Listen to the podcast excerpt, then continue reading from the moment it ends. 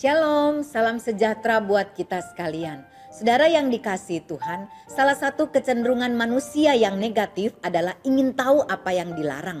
Bahkan bukan hanya ingin tahu, yang parahnya adalah suka melanggar apa yang dilarang. Saudara beberapa waktu yang lalu ketika sedang membereskan lemari buku, saya menemukan beberapa album foto yang sudah lama diletakkan dalam lemari tersebut. Saya kemudian membuka-buka album foto tersebut dan menemukan foto-foto semasa kuliah dan saat pulang liburan dari Malang. Waktu itu saya pulang ke Manado dengan menumpang kapal laut antara Umsini atau Kambuna. Mata saya kemudian tertuju ke satu foto di mana saya sedang duduk di atas sebuah pagar pembatas yang ada di kapal tersebut bersama-sama dengan saudara-saudara saya yang waktu itu pulang liburan dari Jakarta dan satu kapal dengan saya. Di situ saya baru menyadari ternyata di bawah pagar pembatas yang saya duduki itu ada sebaris tulisan yang ditulis di selembar papan kecil. Saudara tahu apa bunyi tulisan itu? Tulisan itu berbunyi dilarang duduk di atas pagar pembatas ini. Astaga saudara, saya baru sadar ternyata waktu itu saya sudah melanggar peraturan yang melarang siapa pun untuk duduk di atas pagar itu. Karena itu sangat berbahaya.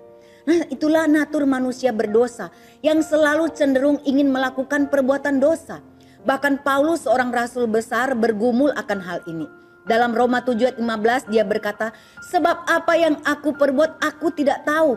Karena bukan apa yang aku kehendaki yang aku perbuat. Tetapi apa yang aku benci itulah yang aku perbuat.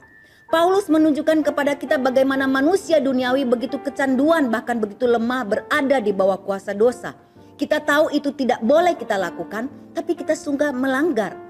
Dalam bahasa Alkitab sering kali ini digambarkan sebagai pertentangan antara keinginan daging dengan keinginan roh. Di mana kecenderungannya dimenangkan oleh keinginan daging.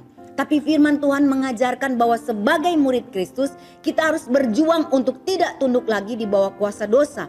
Karena Kristus sudah menang atas dan mengalahkan kuasa dosa. Kita sudah ditebus dan ada kuasa Roh Kudus yang akan memampukan kita. Kita harus yakin akan hal itu. Karena firman Tuhan berkata dalam Roma pasal 8 ayat 1 sampai 2. Demikianlah sekarang tidak ada penghukuman bagi mereka yang ada di dalam Kristus Yesus. Roh yang memberi hidup telah memerdekakan memerdekakan kamu dalam Kristus dari hukum dosa dan hukum maut.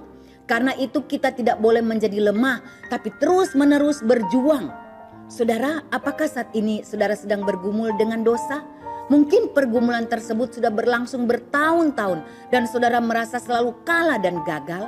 Saudara terintimidasi bahwa saudara tidak akan pernah bisa menang atas dosa. Jangan menyerah, sebab ini adalah perjuangan seumur hidup untuk membalikan sesuatu yang sudah berakar di dalam diri yang berdosa sejak lahir ini. Karenanya pasti tidak mudah. Tetaplah beriman teguh pada kasih Yesus baca firman Tuhan, terus jaga hidup kita dan bertekunlah untuk berdoa. Satu hal lagi yang tidak kalah penting, cari dan masuk dalam komunitas yang dapat menolong dan menopang saudara untuk terus bertumbuh dan mampu mengalahkan kuasa dosa. Yakinlah, bersama Kristus kita pasti menang. Kiranya Tuhan menolong setiap kita. Amin.